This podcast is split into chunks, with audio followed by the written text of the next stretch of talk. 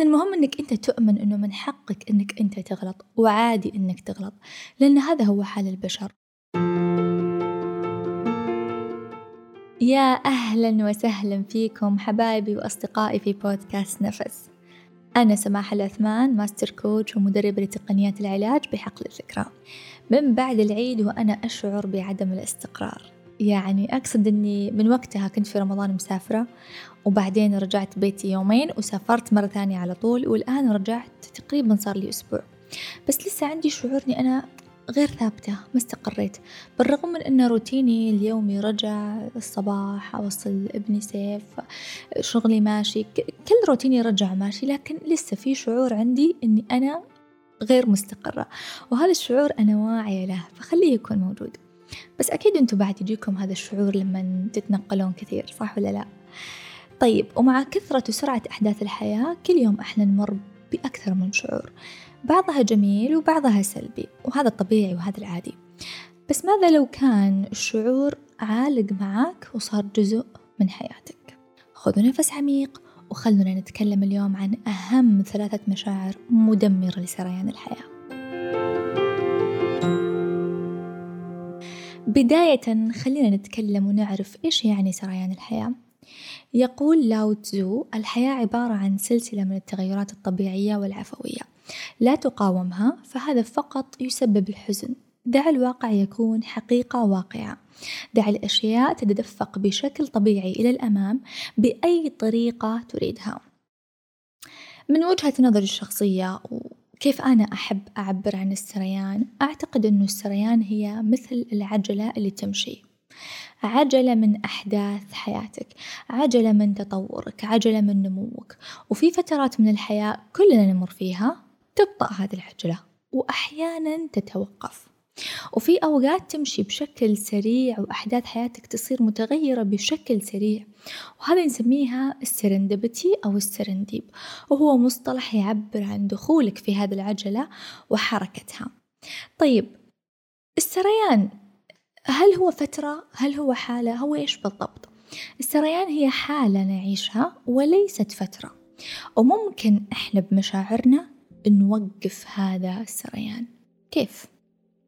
خليني أقول لكم أن المشاعر اللي بتكلم عنها اليوم هي من أكثر المشاعر انتشارا بس الشخص ما يدري عنها يعني غير مدرك أنه هو يعاني من هذا الشعور ولكن في مرحلة الوعي أو لما يكون الشخص مثلا ياخذ جلسات مع كوتش أو مع يعني مشرف عليه أحد راح يكشف له أنه هلو ترى أنت عندك هذا الشعور ترى أنت تعاني من هذا الشعور.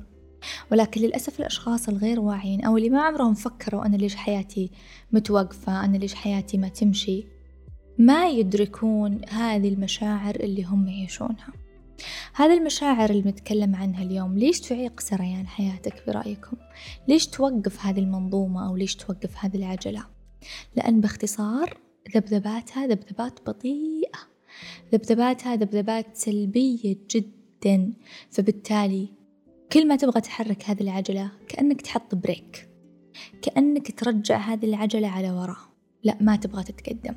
وتخيل لو أنت كل يوم تشحن نفسك فيها وتشحن أهدافك فيها. وكل شيء من حوالينك ينشحن بهذه الطاقة المنخفضة بس أنت ما تدري. أول شعور أبغى أتكلم عنه اليوم هو من المشاعر الأكثر شيوعًا. تحديدا عند الأشخاص المثاليين أو اللي يحبون كل شيء بيرفكت في حياتهم أو اللي يمشون على مبدأ يا أسوي الشيء صح مليون بالمية أو ما أسويه. طبعا أنصحكم ترجعون تسمعون حلقة داء المثالية تكلمت فيها بالتفصيل عن جذور المثالية وليش إحنا نصير أشخاص مثاليين وكيف ممكن نطلع من هذه الدائرة. طبعا هذه المشكلة أو هذا الشعور دائما أشوفها في جلساتي دائما دائما دائما. وفي الغالب تكون عند الأشخاص آه، اللي يحبون الشغل اللي يحبون يعملون اللي ما يحبون يكونون آه، راكدين. أحيانا المثالية تخليك إنسان راكد لكن الناس المنجزة لأنهم يذاقوا طعم الإنجاز فدائما يطمحون للأفضل ويطمحون للبرفكشنزم وهنا تكون المشكلة. فنلقى الشخص عايش في هذه الدوامة دوامة من اللوم دوامة من التأنيب دوامة من جلد الذات ما يرضى عن نفسه. ودائما يعني في بينه وبين نفسه صراع أنت ليش تسوي كذا؟ أنت ليش تأخرين في التسليم؟ أنت إلى متى بتضلين كذا؟ لازم تقومين تشتغلين لازم مدري إيش لازم مدري إيش. فهذه المشاعر كلها طاقتها منخفضة وكلها بريك للعجلة اللي مفروض إنها تمشي لكن أنت اللي توقفها. أول وأهم نصيحة ممكن أعطيك إياها أنك أنت تكون واعي في كل مرة تهاوش نفسك. في كل مرة تهاوش نفسك بينك وبين نفسك خليك واعي. خليك واعي إنك أنت قاعد تأنبها خليك واعي إنك أنت قاعد تجلدها. ليش أنت كذا؟ ليش قلتي كذا؟ المفروض سويتي كذا. وبعد ما تكون واعي لهذا الكلام الداخلي ابدأ غيره بالقبول. وممكن أيضا ترجعون تسمعون الحلقة الماضية عن القبول والمرونة في الحياة. من الضروري أيضا أنك تؤمن بمبدأ من المسموح ومن الآمن لك أنك تخطئ. وهذا المعتقد أنا دائما أشتغل عليه في جلساتي مع عملائي.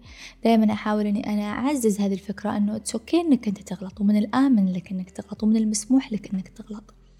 كلنا نشأنا على مبدأ أنه الغلط ممنوع وما يصير تسوي كذا وعيب تسوي كذا وانتبه تغلط.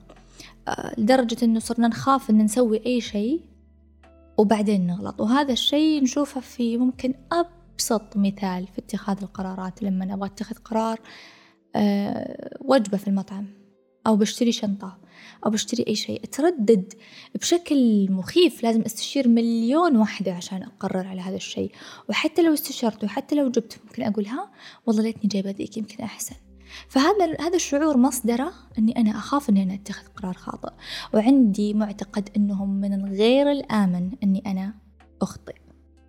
طيب خليني أتفق معاك إن إحنا أصلا جايين على هذه الدنيا عشان نغلط وعلشان نتعلم جايين عشان نتطور لو إحنا مولودين وعارفين كل شيء في الحياة وعارفين كل الخيارات الصحيحة وكل القرارات الأوكي وكل القرارات اللي برافو علينا كيف نتعلم أشياء جديدة؟ كيف بنعيش تجارب جديدة؟ إذا من المهم أنك أنت تؤمن أنه من حقك أنك أنت تغلط وعادي أنك تغلط لأن هذا هو حال البشر. وأتمنى أنه الحين إحنا صرنا بمرحلة وعي ممتازة أنه إحنا نبدأ نعلم أطفالنا هذا الشيء أنه أوكي حبيبي أنك تغلط عادي. طب إيش الحل؟ خلينا ندور على الحل. بدل ما إحنا نزرع فكرة أنه كل مرة بتغلط راح تتعاقب. خليه يفكر دائما عن الحل بدل ما أنه يفكر كيف ممكن أنا آه، أعاقبه عشان ما يعيد هذا الغلط. ومن هنا تبدأ تستوعب كمية التأنيب اللي أنت كل يوم تقوم فيها وتمارسها على نفسك. من أحد الطرق الجميلة والسهلة اللي أنا شخصيا أستخدمها حتى أتخلص من التأنيب هي أني على طول أبحث عن الحل. نفس الطريقة اللي تكلمت فيها قبل شوية عن الأطفال حنرجع إحنا نستخدمها على نفسنا. مثلا ضميرك يأنبك اليوم لأنك أكلتي شوكلت بشكل مجنون. فبدل ما تلومين نفسك أنا ما أعرف أبدأ diet أنا إلى متى كذا شوفوا وزني إيش الحل؟ الحل إنك تروحين تقومين تمشين ساعة ونص تحرقين اللي أكلتيه هذا الحل أوكي؟ طيب ضميرك يأنبك إنك أنت أجلت مشروع إيش الحل؟ قوم اشتغل عليه بأسرع وقت لا تنام الليل خلص هذا المشروع أوجد الحل بشكل سريع ضميرك يأنبك إنك أنت ما قعدتي مع أطفالك طيب إيش الحل؟ من بكرة خصصي ساعة في اليوم فقط لهم بدل ما أنك تمارسين التأنيب بدون إيجاد الحلول. أنا شخصيا أستخدم هذه الطريقة دائما لعلاج التأنيب وجدا تريحني وجدا تخليني مطمئنة وساكنة وخلاص. يعني إيش أسوي؟ أقطع نفسي أدور الحل وأسويه. ما في حل خلاص دن دن أسلم. لأنه أحيانا كثرة التفكير في المشكلة لا يقدم ولا يأخر بالعكس. حينزل من طاقتك بالتالي حتوقف العجلة. ثاني أسوأ شعور معيق لسريان الحياة هو شعور الاستياء. وسبق وتكلمنا عنه بالتفصيل مع كوتش أمل العودة في برنامج وتر المشاعر. وقلنا كيف ممكن الشخص يعيش بشعور الاستياء كل يوم. شعور الاستياء يعني عدم الرضا عن ولا شيء. استياء من وضعه استياء من أهله من بيته من شغله. وعلى قولتنا بالسعودي شخص دائما يتحلطم أو دائما يتشكى.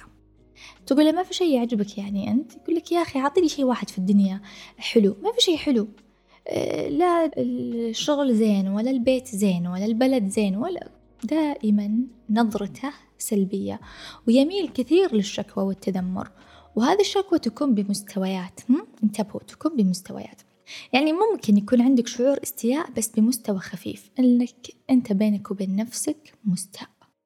ما توضحها للناس ما تتشكى ما تتذمر بس أنت بينك وبين نفسك من جوا ما أنت راضي عن شيء ما أنت راضي عن البلد اللي أنت فيها ما أنت راضي عن التطورات ما أنت راضي عن الوظيفة ما أنت راضي عن وضعك مع زوجتك بس ما تتكلم. وممكن بشكل أكبر أنك أنت تمشي وتتذمر على الجميع. طبعا ذكرنا إحنا في برنامج وتر المشاعر رسالة هذا الشعور وليش يجيك وكيف المفروض تتعامل معه. أنصحكم تنضمون معنا في هذا البرنامج العميق اللي يناقش فيه ستة مشاعر سلبية. نتكلم بعمق عن رسائلها وكيف ممكن تحلها. البرنامج مسجل وتقدرون تحصلون عليه وتشوفونه في أي وقت. راح أضع لكم الرابط في وصف الحلقة. ثالث أسوأ شعور معيق لك. هو صورتك الذاتية عن نفسك. أم ما راح أسميها شعور ولكن هي عدة مشاعر متكونة تؤثر على صورتك الذاتية. منها شعورك بالعار تجاه نفسك شعورك بالخجل شعورك بالتأنيب آه، شعورك ممكن بالخوف. كل هذه الـ collection كل هذه المجموعة تؤثر على صورتك الداخلية عن نفسك وأنت كيف تشوف نفسك. وأيضا سبق وتكلمت في حلقة كاملة من بودكاست نفس على الصورة الذاتية وأنت كيف تشوف نفسك. وأيضا عندي برنامج مسجل أتكلم فيه بشكل عميق وتمارين عميقة وتطبيقات TFT عن تشافي الصورة الذاتية. وأقول في هذا البرنامج أنه من المهم أنك أنت تكتشف إيش صورتك الذاتية عن نفسك. إحنا في الغالب ما نعرف صورتنا الذاتية عن أنفسنا إحنا نعرف صورتنا المادية لما تروح المراية وتشوف نفسك تقدر تشوف عيوبك تشوفين الحبة اللي في وجهك بقاع شعرك مش عاجبك لبسك هذا كله يكون كلير يكون واضح. بس ما قد حطينا المراية على الداخل ما قد شفنا إيش المشاعر اللي عندي تجاه نفسي. ممكن في عيب صغير فيني أنا ما أحبه لكن هذا العيب جدا مزعج ويخليني إني أنا أخاف أتخذ قرارات. ممكن عندي فكرة عن نفسي إني أنا إنسانة غير جدية أو أنا إنسانة غير مسؤولة. ففي كل مرة ينعرض علي شيء سواء زواج مشروع وظيفة أي شيء ألقى نفسي أتهرب ألقى نفسي أنسحب. ليه؟ لأنه أنا عندي هذا المعتقد عن نفسي. وهذا اللي نتكلم عنه بالتفصيل في برنامج تشافي الصورة الذاتية. فإذا من المهم أني أقول لك اليوم أنك تجلس مع نفسك وتكتب إيش صورتك عن نفسك إيش الأشياء اللي أنت معجب فيها وإيش الأشياء اللي أنت ما تحبها. وممكن أنت ما قد صرحت فيها لولا أحد لكن هي بينك وبين نفسك ما تعجبك. وتبدأ من اليوم تشتغل على هذه المشاعر. من المهم أنك أنت تجلس مع نفسك وتراجع هذه الثلاث مشاعر اللي تكلمنا عنها اليوم. التأنيب الاستياء وصورتك الذاتية عن نفسك لأنها من أكثر المسببات اللي تعيق سريان حياتك واللي تخليك تحس أن الدنيا واقفة أن أنت من زمان عالق في هذه المرحلة. أعرف أنه كل شيء مقدر وأعرف أن كل شيء مكتوب ولكن دائما تذكر وأن ليس للإنسان إلا ما سعى. وفي الختام خلونا نسأل الله دائما يعلمنا كيف نقدر نتخلص من كل شعور سلبي وصدمة وألم بكل سهولة ويسر وحب وأمان. وإن إحنا ما نحتاج نمر بصدمات عميقة وألام أو نقابل أشخاص يؤذونا من الداخل حتى نتعلم هذه الدروس.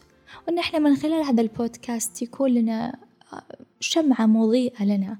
إن إحنا نفكر ونعرف ونكون أكثر وعي على مشاعرنا بدون الحاجة أن إحنا نمر بتجارب صعبة حتى نكتشف المسببات. لا تنسى إذا أعجبك هذا البودكاست وأعجبك محتواه أنك تعطيني تقييم خمسة نجوم على المنصة وأيضا تشارك هذا البودكاست على منصات التواصل الاجتماعي وتسوي لي منشن حتى أعيد نشرها وراح أكون جدا سعيدة برأيك. ألقاكم في الحلقة القادمة. في أمان الله.